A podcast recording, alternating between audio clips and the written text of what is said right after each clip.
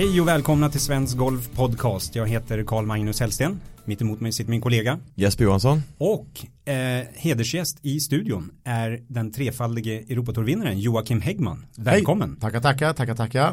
Kul att ha dig här. Äntligen så har vi lite segrar här i, i, i studion. I, ja. van, I vanliga fall så är det du och jag som kommer sist på klubbtävlingar, om vi ens tävlar. Precis, så vi är väldigt tacksamma att du är här. Tack så Jocke. mycket, det är trevligt att vara här, tack. Och eh, anledningen till ditt besök är ju att vi ska fokusera på US Open på Shinnecock Hills, eh, banan ute på Long Island utanför New York. 2004 var ju US Open där. I 2018 kommer US Open tillbaka till samma anläggning och det var ju en galen turnering 2004. Ja det var ju det. Det är inte nog med att vi hade hetta då. Det har varit varmt väldigt länge. Lite typ den majvärmen vi upplever i Sverige nu så kom ju golfbanan i en eh, fantastisk kondition. Grinerna är ju någonting utöver det vanliga. Men eh, det som var väldigt eh, ska vi säga, speciellt den här veckan var de hårda fairwaysen och de tuffa pinplaceringarna. Och grinerna var också något så fruktansvärt stenhårda. Jag det finns ingenting att jämföra med. Det går inte ens att jämföra med British Open eller någonting annat vi har spelat utan Nej. det var så mycket stuss i bollen så att det, det blev nästan omöjligt att spela och eh, det visade sig också så att den vinnaren som vi hade på söndag eftermiddag var också den som hade puttat och chippat bäst. Ja men exakt, eh, Ritif Husen vann ju där.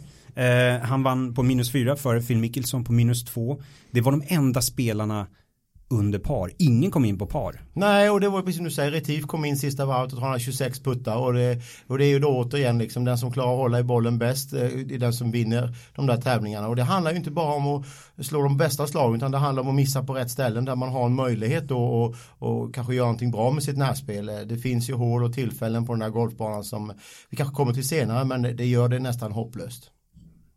Eh, om vi tittar då på de svenska insatserna. Eh, vi, vi, kan först säga då trean Jeff Maggart eh, stannade på plus ett. Eh, bäste svensk blev Daniel Chopra eh, som delade 24 plats på plus 12.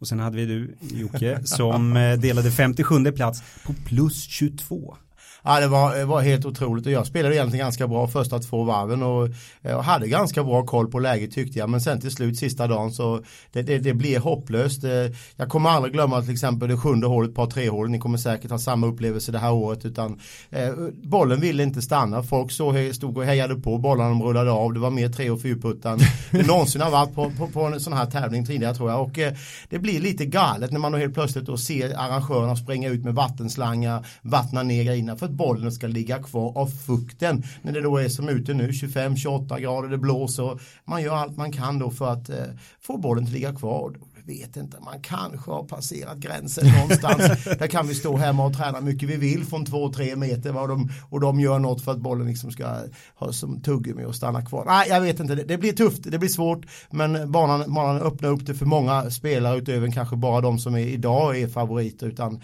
det kommer bli mycket, mycket intressant. Det sägs att det var så hårt i marken den här veckan att det inte gick att pegga på, på rangen.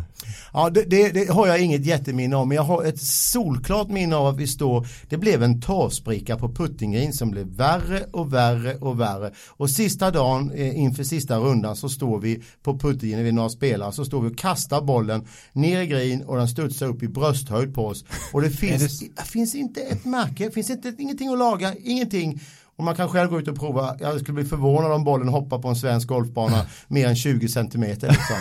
det, så det var, det var när på stenhårt helt enkelt. Hade du varit med om något liknande tidigare? Aldrig, aldrig, aldrig. Och det, och det var ju samma grej här. Va? Det spelar ingen roll om du slog bollen mitt i fairway på vissa av hålen. Var det medvind och det var mitt i fairway och du stod där med en wedge eller en järnia och du karrade den fem meter innan green nio gånger tio hämtade du den bakom green. Så det blev nästan omöjligt. Motvindshålen gick det att hålla bollen på green. Men medvinden, ja, det gör ju Kina Coquille speciell och det är, här är ju US Open. Mm. Vi vet ju hur tokigt det brukar vara. De vill ju ha vinnare runt par och övriga ska se lite löjliga ut. Mm. Det är lite det det går ut på. Men det gör ju också det att den här banan bjuder upp till inte bara långslående spelare utan det här kommer bjuda upp till spelare med mycket teknik och mycket finess också. Så att eh, mm. det blir ett mycket, mycket öppet US Open. Eh, om vi blickar tillbaka till din insats där 2004 så var ju dina ronder 74, 69, 76, 83. Under slutvarvet gick du 13 slag över par, 7 slag sämre än på lördagen. Eh, hur summerar du söndagen? Ah, jag vet inte, det, det, till slut så hamnade jag tyvärr då i samma, samma grej som alla andra. Va? Det blev så hårt och så svårt så att jag kommer inte riktigt ihåg men jag kommer ihåg att det blev någon fempel där. Jag tror det var tionde hålet, jag gjorde nio i där. Och det är, det är ett par fyra hål som svänger ner lite daglig vänster och så uppför. Och den här grinen är nästan lite på tvären så den är inte speciellt djup, kanske 18-19 meter. Normalgrin är någonstans 28-30 meter. Och det är klart att då blev det svårt, för man hamnar lite nedförsbacke, jag låg i ruffen landar bollen på green, studsar över, hamnar taskigt där, chippade upp den, rann tillbaka ner för backen 60 meter utanför green. Och här blev jag fram och tillbaka, fram och tillbaka, fram och tillbaka en liten stund. Vilket jag inte var ensam om. Men jag hade ju klarat mig i tre dagar och den här sista rundan så eh, var det min tur att falla i. Blir det nästan så att man, man garvar åt det, alltså ja. eftersom att det var så för alla? Det blir ju det till slut då, men man kämpar ju och kämpar och kämpar ju för att man vill ju att det ska bli något bra. Och, och det är väl det jag liksom sagt, jag kom ju in i den här tävlingen med ganska god form. Jag hade ju inför 2004 varit skadad ganska kraftigt, Ett med ben och lite sådär. Så att jag kom ju in och har haft en fin vårsäsong med några bra placeringar och det var ju en bra placering på PGA-mästerskapet och på Wentworth som gjorde att jag precis kom med på US Open och fick ju packa väskorna och dra på ganska kort eh, varsel. Men väl där så hade jag en fin form och, kände mig ganska liksom fräsch men det, det blev ju såklart så att till slut så var banan liksom lite för jobbig, lite för svår och, och håller man inte bollen på fairway, ni hörde vad jag sa, man var på fairway. Ni kan räkna ut själva om man står 160 meter och är i ruffen ja. i en US Open ruff. Ja. Det handlar om att lägga bollen någonstans runt green där man kan rädda sitt par och, och, och till slut så åker man inte Apropå hål 10, snittet på söndagen där var 5,03 slag, par E4. Ja. Och du hör ju vad jag säger. Och, då är, och jag är ju skyldig till en 8-9 då. Men jag kommer inte ihåg om trippel eller fempel. Men det, ja, 9 kan jag meddela. 9, ja. det, var, det var 9, det var fempel ja. Men jag menar det är precis det som händer. Va? Man prickar den där fairwayen alla de där andra varven och slår upp den på green. Och man gör sitt par. Allting är ju, det tycker man skönt, det gjorde jag par. Undrar vad de, ja. Mm. Men när man då själv kommer lite snett och det är 10 du får inte missa den färgen för du ska sätta den fast den på green helt enkelt. Mm. Och, hur, hur, var banan innan söndagen? Alltså torsdag den, till lördag? Ja, men den var ju lite, lite mer liksom tillgänglig. Eh, om jag inte minns fel så spelade jag eftermiddag första varvet och sen kom ut på morgonen då på fredagen och fick ju lite möjlighet att, att spela liksom och det var lite mjukare. Men det är ju, det är ju en gnutta men man får ju nio hål i alla fall där man får en chans mm. liksom att spela golf då som vi känner det. Och, och spelar man då bra och prickar fairwayn och banan är inte speciellt lång utan det blir mycket 7, 8, 9 wedgar och kan man då hålla den bollen liksom på fairway så man får den på green för det är lite daggigt, det blir bara sådana här 6, 7, 8 meter studsar istället för de här vansinnigheterna så kan man helt plötsligt börja spela och grinerna är super supertrim. Så då kanske man får i ett par bollar med och då finns det en mm. chans i alla fall att hålla ihop det. Och det är ju så det går till när de går då två, tre, fyra under för de kommer ju inte mycket längre superstjärnorna heller utan det är ju så det blir liksom och så gäller det att passa på då. Ja. Inför, förlåt, inför söndagen så eh, på lördagskvällen där så, så vältade man grinerna, vattnade inte för att man ville, de var på gränsen enligt rapporter redan efter lördagen och man ville göra dem ännu mer trimmade vattna inte och sen så slår vinden om så det blir en torr nordvästlig vind och Ja, sen så studsar bollen till bröstkorgen då. Ja, det, och, och, och, och, där någonstans så eh, går de nästan över gränsen. Man, man kommer ja. upp och jag då som har spelat någon US Open tidigare men det här var ju ändå någonting utöver det vanliga. Och man eh, kommer ihåg första dagen redan när man kommer upp och ser några pinplaceringar. Man har stått, stått järnfemma in och så är pinnen liksom tre meter från en bakkant och tre meter från en annan kant och så tittar man runt omkring och så ser man avrinningsytor som är 10-15 meter ut och man stått där med någon järnfemma. Det blir nästan så det inte spelar någon roll hur bra du slår slaget. Mm. För det handlar ju om egentligen om inte slå den där femman utan det är den där järnsexan som ska slås som är 10 meter framför pinnen någonstans där man kan då tvåputta upp till det här mm. hålet och springa till nästa. Mm. Så det blir liksom någonting annat än det vi är vana vid. Och det, ja, man får vara försiktig, man får tänka sig för, man får försöka göra något man inte är så van vid och vara klok innan man slår men det Ja, det är US Open. Men som du var inne på, du kom, du kom till eh, tävlingen med, med, fin form. Mm. Vad hade du kunnat gjort den veckan under en normalare US Open om man ser, Det, det vet så. man ju inte, men alla andra är ju också vansinnigt duktiga. Det här är ju en tävling som då eh, är i den absoluta världstoppen. Men det är klart att jag kände mig i god form och jag hade kommit trea på PGA-mästerskapet om jag inte minns fel. Och jag hade varit trea också på TPC Deutsche Bank-tävlingen där på Europatouren mm. som var våra stora tävlingar. Så jag hade haft två fina veckor i rad och jag hade lett båda tävlingar under perioder under de här fyra dagarna. Så det var väl ganska enkelt kanske att kunna fortsätta i, i den formen, ja, i den tron och kanske, kanske en topp 20 placering hade varit rimligt och, och känna att det hade varit högst möjligt. Och det, det var ju även där under andra rundan på US Open ett tag och, och var uppe och svängde runt en stund och, och var med ganska vettigt. Så att det, den möjligheten fanns. Det var bara det att även jag åkte dit på den här söndagen, den klassiska söndagen på Kinnacook Hills liksom. Så var det ju. Eh, förstår man, det, kan man förstå hur skickligt det är av, av Retief att gå minus fyra där Nej det, det, det, kan man inte göra. Och sen framförallt handlar det om den sista rundan då han, då han egentligen håller bollen i position hela tiden. Och då menar jag inte alltid kanske eh, långa driver och nära flaggen utan i position, missar på vänster när flaggan är på den kanten, vet ja, att pinnen står där. Och sen också förmåga, han slog in oändlig massa tre meters puttar liksom för par ja, mm. och, och, det blir ju lite på gränsen för det, det, det går inte, jag, jag, kan säga så här, eh, det här är en annan US Open, men 94 var jag på Oakland Hills för min första US Open och lägger ner bollarna på puttingen så knackar jag förbi första, de rullar förbi 6, 7, 8 meter så de är, de är förbi längre än vad jag liksom rullar iväg dem. Mm. Och, då, och då menar jag, då man, det är ju det min, den här bilden jag har att det här borde vara lagom och helt plötsligt så rullar det dubbelt så långt som man har tänkt sig. Man har liksom inte riktigt övat upp den där känslan, man har inte riktigt det i fingrarna.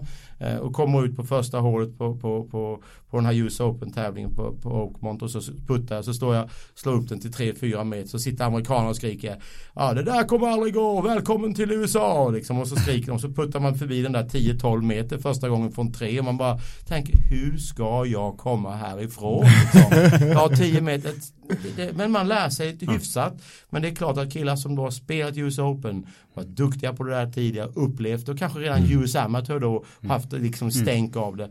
De har ju en jäkla fördel, så är det bara. Men, men om man skulle översätta hur svårt det var på söndagen där till, en, till många av våra lyssnare. En, en vanlig svensk 18-handikappare, vad skulle han eller hon ha gjort på Shinnecock Hills den där söndagen? Jag kan inte ens räkna dit tror jag. Hade spelat den idag.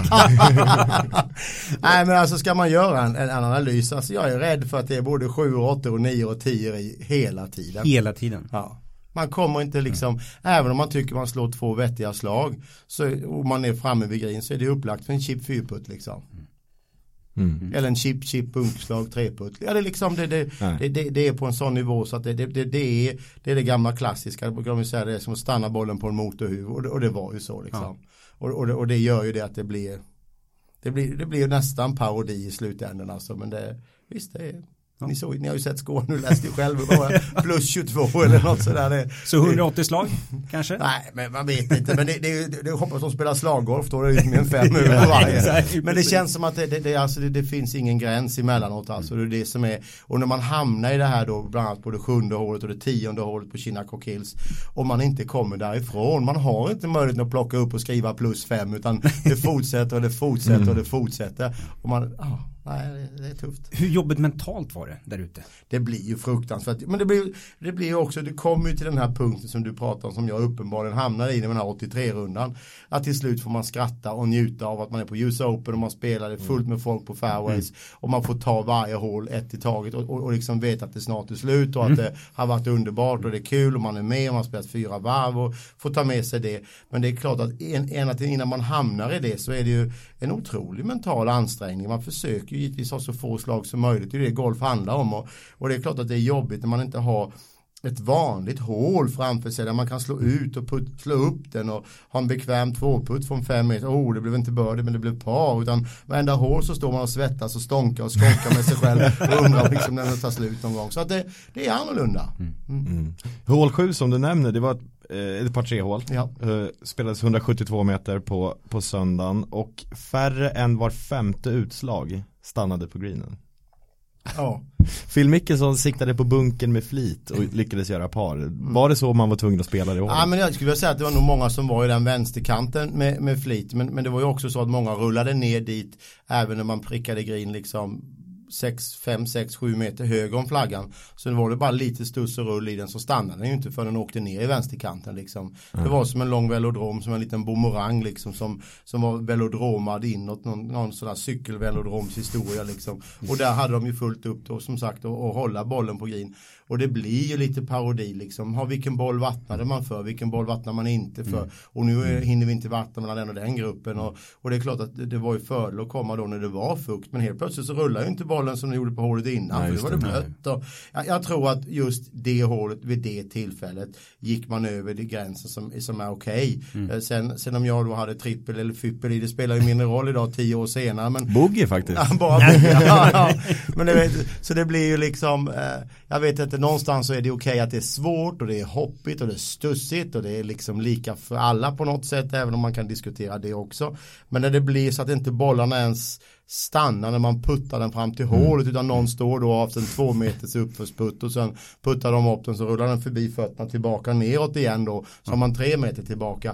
Ah, Inte på US Open. På onsdagsgolfen kanske man kan garva åt det men inte där. Nej. Nej. Det är lite för mycket på spel. Ja, absolut, absolut. Eh, hur många gånger har det gått plus 22 i en fyra dagars tävling som proffs? Ja, det kan, hoppas det bara är här. Men det kan nog finnas fler, jag var ju på svenska golftouren innan. Nej, det är inte många gånger det har varit sådär, så är det.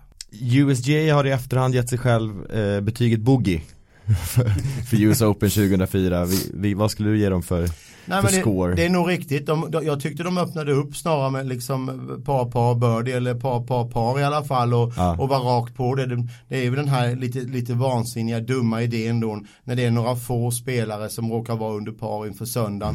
Mm. Eh, Man får ju också konstatera att de som låg 20 redan var plus 7, 8, 9 liksom. Det, det var väl lagom istället för att försöka sätta dit dem där längst fram så vet jag inte, det blev lite parodi och det är tråkigt för de som tittar också. Eh, För någonstans så vill ju de också se de här bra, mysiga slagen och liksom lite birdies och liksom det här som är lite extra. Nu blev det ju som det blev, det blev ju en bromsande segrare liksom. Någon som bara kunde slå bollen på green, två puttar och rädda par.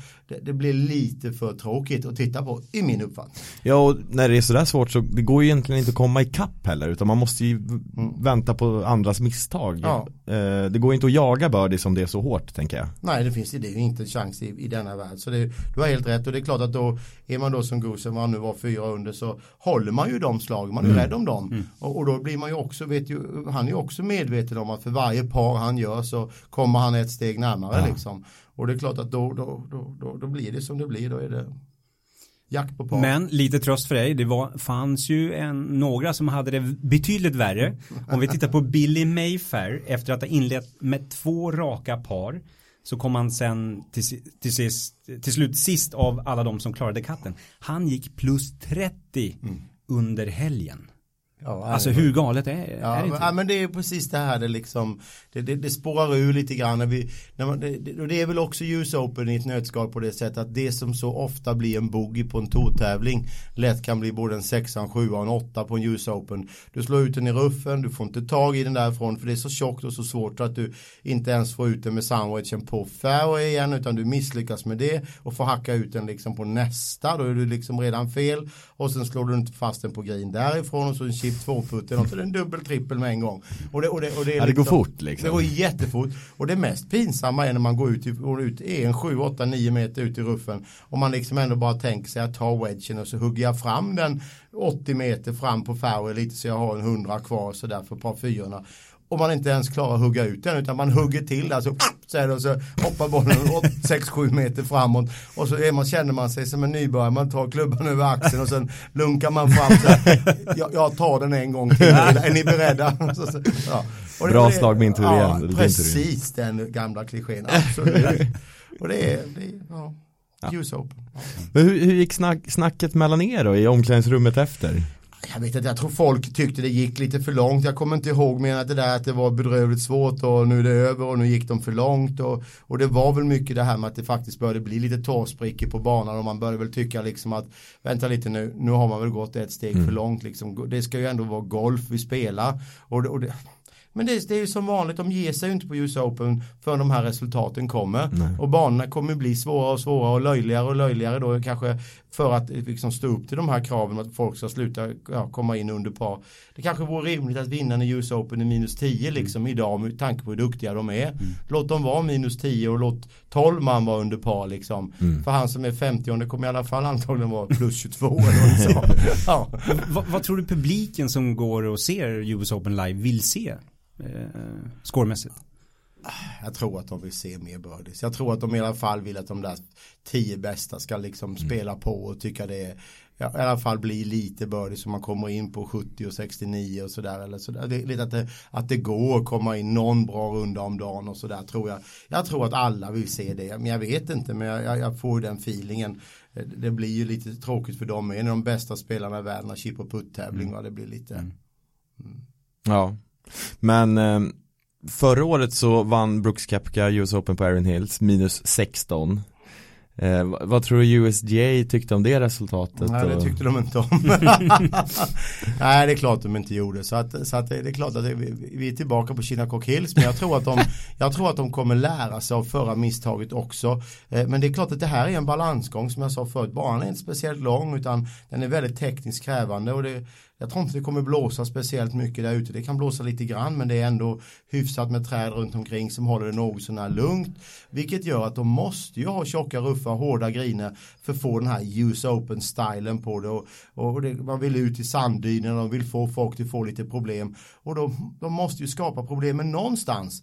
Eh, och är ett hål 360-380 meter för, för en spelare av den här kalibern, ja det är ju inte mer än en järntvåa och, och kanske en järnia. Va? Så att det, det gäller ju att göra någonting för att ställa till och det är, mm, det är en balansgång, den är hur, hårfin. Hur svår är den balansgången som arrangör att, att sätta den perfekt? Ja, det är nog den största och svåraste uppgiften man har. Eh, både som domare och, och, som arrangör. Men det är också teamet. Det är inte bara golfklubben som vid vanliga golftävlingar. Har man en tourtävling så kommer det ett team ut oftast två gånger. Någon gång 20 veckor typ innan så kommer det tourteamet ut med, med sina, med, ja, de som ska vara domare och de som ska jobba med banan ungefär sex veckor innan. Så man är ju en del av mm. hela tourens uppsättning. Så USGA ska inte skylla på Chinacock Hills utan de har varit väl involverade i hela klippningen och dratt klipplinjer och mm. höjder och allting. Och antagligen rent av beordrat dem på Chinacock Hills hur de vill ha det. Mm. Så det är de som ska stå för det. Det är inte killarna på Kinaco Kills. Det. Men det, det, är som sagt en viktig process och, det, det, ja, det ska bli spännande att se om de klarar av den här gången. Sedan du spelade där 2004 så har ju banan renoverats eh, och de har ritat den, gjort om den så att den ska få de originallängderna så att säga som det var menad att spelas med fairwaybunkrar ska vara i spel och greener ska vara lite större för de har tappat lite yta med åren och sådär.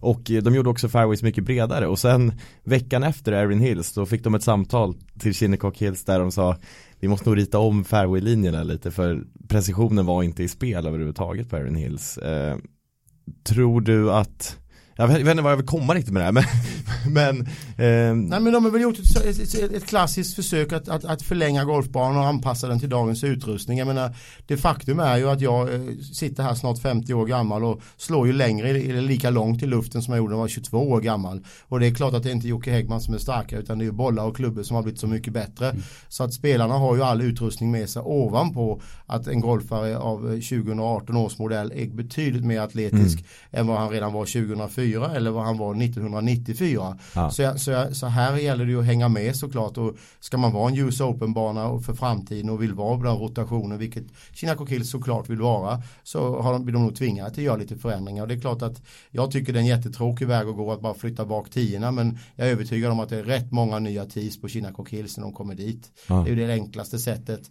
och billigaste sättet att renovera en bana och få den att passa framtiden. Ja, jag tror det är totalt tio stycken nya, nya TIS. Mm. Precis. Och den kommer vara 408 meter längre. Ja. Och det är ganska mycket. Det är 400, otroligt mycket. Ja, det är liksom en 7-8 procent längre än vad en normal golfbana. En normal, en normal svensk bana kanske kan jag gissa nu från ungefär 6000 meter. Eller en klubbtid 5-8 kanske och en, mm. och en, en back till 6-2, 6-3.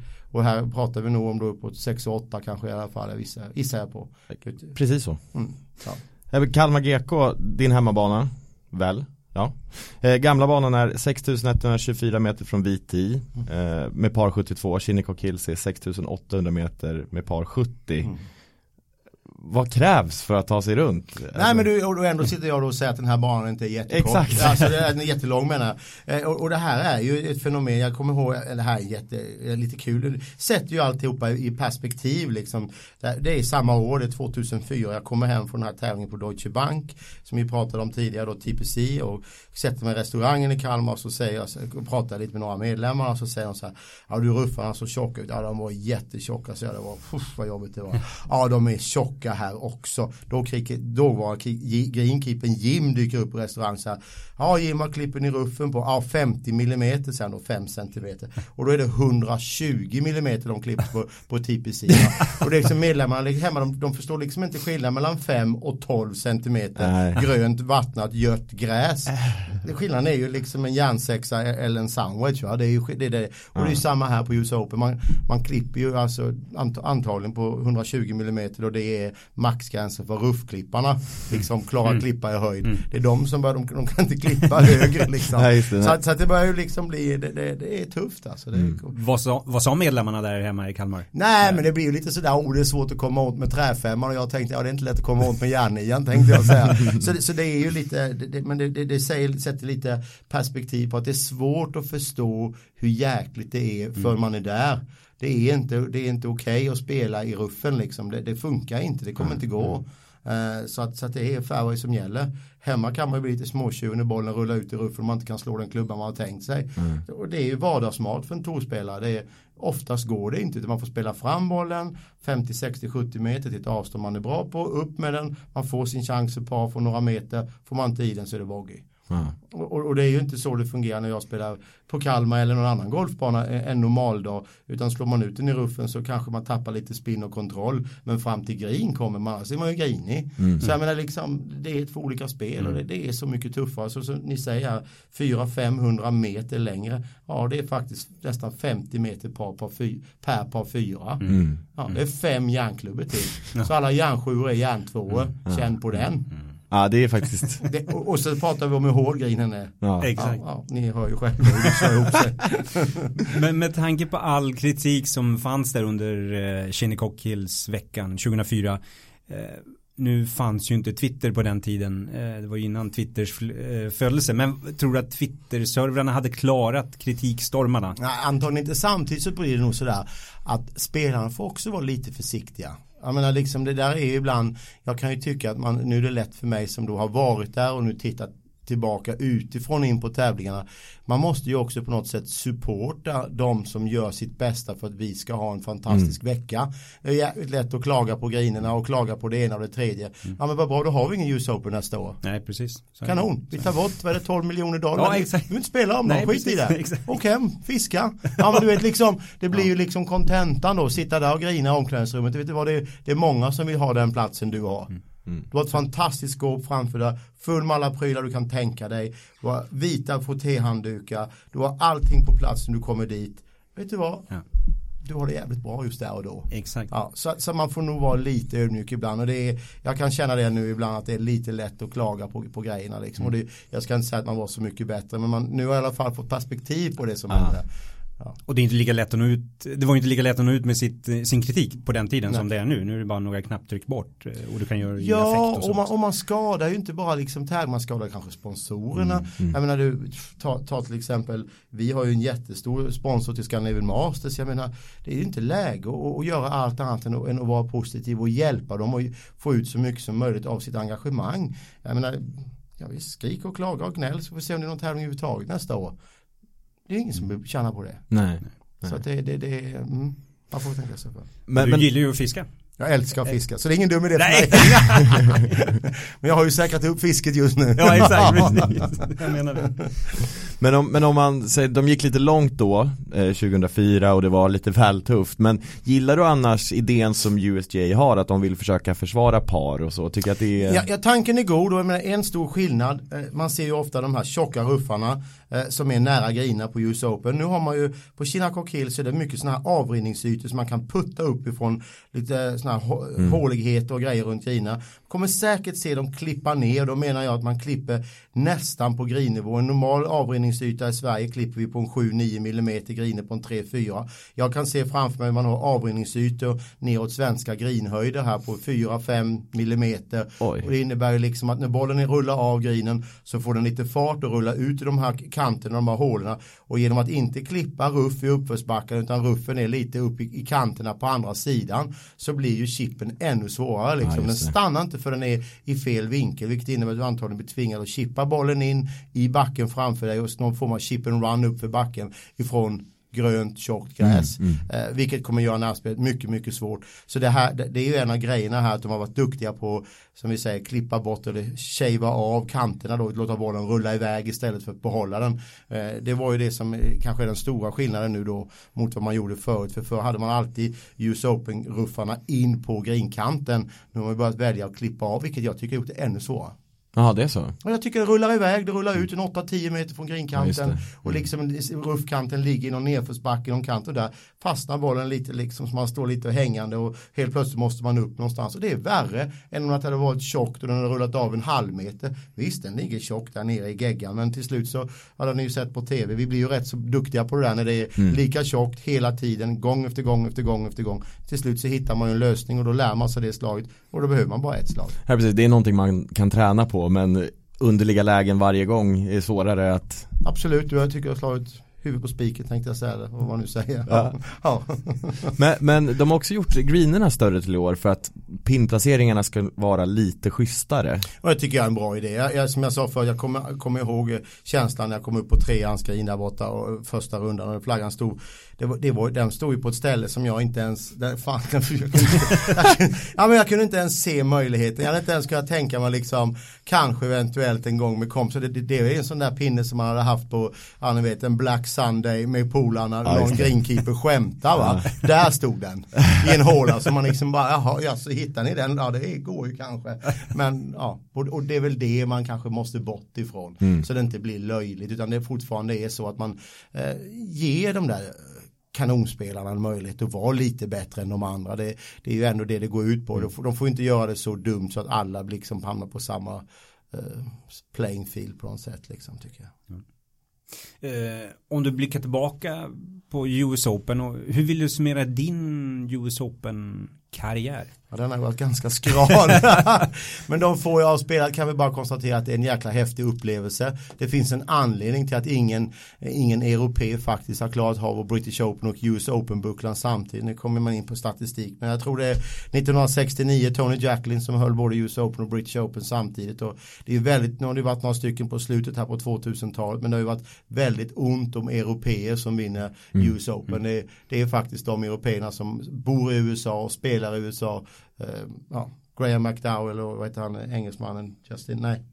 Justin Rose. Justin, Justin Rose. Rose, ja, de, och de bor i Florida och spelar, mm. spelar den här typen av golf mm. rätt ofta. Eh, det är ju de som har lyckats. Eh, mm. I övrigt så är det ju skralt alltså. Så mm. Det finns en anledning till det.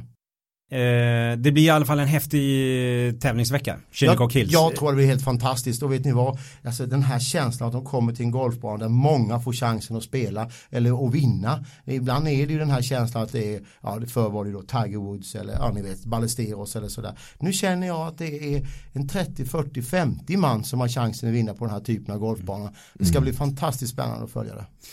Blir, ja. blir det speciellt för dig också att se se i år när du var där 2004? Det är alltid kul att titta på golftävlingar när man känner igen sig. Det ger ju mig en extra dimension att titta och det är klart att om man då vänder på den där steken och säger hur var det att spela Augusta? Ja, det är klart att inte bara det var på Augusta men att få gå på banan som man har tittat på tv mm. tusentals gånger och få se det där i verkligheten. Det, det är fortfarande idag ger mig rysningar i kroppen och det är samma sak med det här att titta på tävlingar, komma ihåg slagen och nästan känna puttarna i kroppen och säga nej nej nej nej det där går inte. Oh det där var jättebra. Och det här på något sätt ger ju en, ja, det är en dimension till. Jag kommer titta på det. Ja. Eh, eh, hur, vad kostar en plats i din tv-soffa under US Open? Lite expertkommentering. ja du, det kan man fundera på. Nej, jag ska nog gräva ner mig i sommarsoffan och ta en öl som många andra svenska golfare. ja, det gör du rätt i. Eh, Phil Mickelson som var två där efter Tifhosen 2004 är ju med i år igen. Han 47 år gammal, eh, bröt ju sin segerlösa svit tidigare i år. Vad ger det honom för chanser? Han har ju en god chans såklart men jag, jag fortfarande tror att eh, som du pratade inne på förut US Open är så mentalt krävande idag fysiskt då på det sättet krävande att jag tror att det blir någon av de här lite yngre gubbarna som kommer till slut ändå eh, ja, på något sätt vinna det här det finns för många bra duktiga golfare idag det finns 20 Phil Mickelson årgång 2005 liksom mm, mm. jag förstår eh, men han är en av de 40-50 som du tror kan vinna? Absolut Ja Svenskarnas chanser då? Jag, jag, tror faktiskt att den här banan, eh, även om jag tycker Henrik Stensson är överlägsen den bästa svenska golfaren vi någonsin har sett, så tror jag den här banan kommer passa Alex Norén väldigt bra. Ett mycket, mycket potent närspel och duktig med sin putter. Kan han få igång putten eh, så är han ju väldigt, väldigt bra med den delen av spelet och det kommer ha betydelse här. Längd kommer inte bli riktigt lika viktigt som det är i vanliga fall och det är ju ändå eh, Henriks mellanjärn och hans långa, mm. långa drive, och, eller spoon oftast då, är ju det, hans största vapen. Sen har vi alla sett honom putta hem British Open och jubla i tv-sofforna men eh, liksom, ja hans stora spel kommer inte riktigt komma till sin rätt, tror jag, på Kina Hills. Nej. Så det vad värderar du högst? Är det närspelet som är viktigast på, Ja, det, det, kommer bli det. Närspelet och sen förmågan att kunna slå i de här 3-4 meters puttarna för par. För det kommer bli en oändlig radda av sådana puttar. De är ju oftast hemma en, en och en halv meter. Men i och med att grina så snabba och så svårt mm. att komma rätt så är det så lätt att bli lite, lite, lite fel och så rullar de iväg lite. Och där är ju Alex när han är i sin ja. topptrim. Han verkar ju inte ha något stopp överhuvudtaget. Han verkar inte ens fundera på hur många man borde slå i statistiskt utan han bara matar och matar och matar och, och har ju en fantastisk feeling i sitt närspel när han är på, på sitt topp och hopp, förhoppningsvis är han det nu och jag tycker mm. Wentworth här förra veckan när han kommer trea här det, ett förbaskat bra försvar av en titel av den digniteten han gör det skitsnyggt ja. tycker jag Grymt CM om du skulle ha en parputt på 3-4 meter för att vinna US Open hur, hur hade det känts i kroppen? Eh, ja, på Shinnecock Hills. Ja, på Shinnecock Och 2004 års griner. Ja, eller i år, Vil vilket US Open som helst. ja, det hade ju känts magiskt. Tänk att ha, komma till den äh, möjligheten. Ja, men hur hade du slagit putten då? Jag hade blundat och hoppats på det bästa. Ja. Så är det. Slår den inte kort bara för Nej! Går det på Shinnecock Hills? Ja, jag vet inte. Jag gör det inte. Gör det inte. Nej, jag lovar. Eh, härligt. Det blir en fantastisk eh, tävlingsvecka på Shinnecock Hills. Joakim, tack så hemskt mycket för att du ville komma till eh, vår poddstudio. Tack själva, tack själva, kul att vara här. Tack för idag. Tack, tack. Hej. Hej.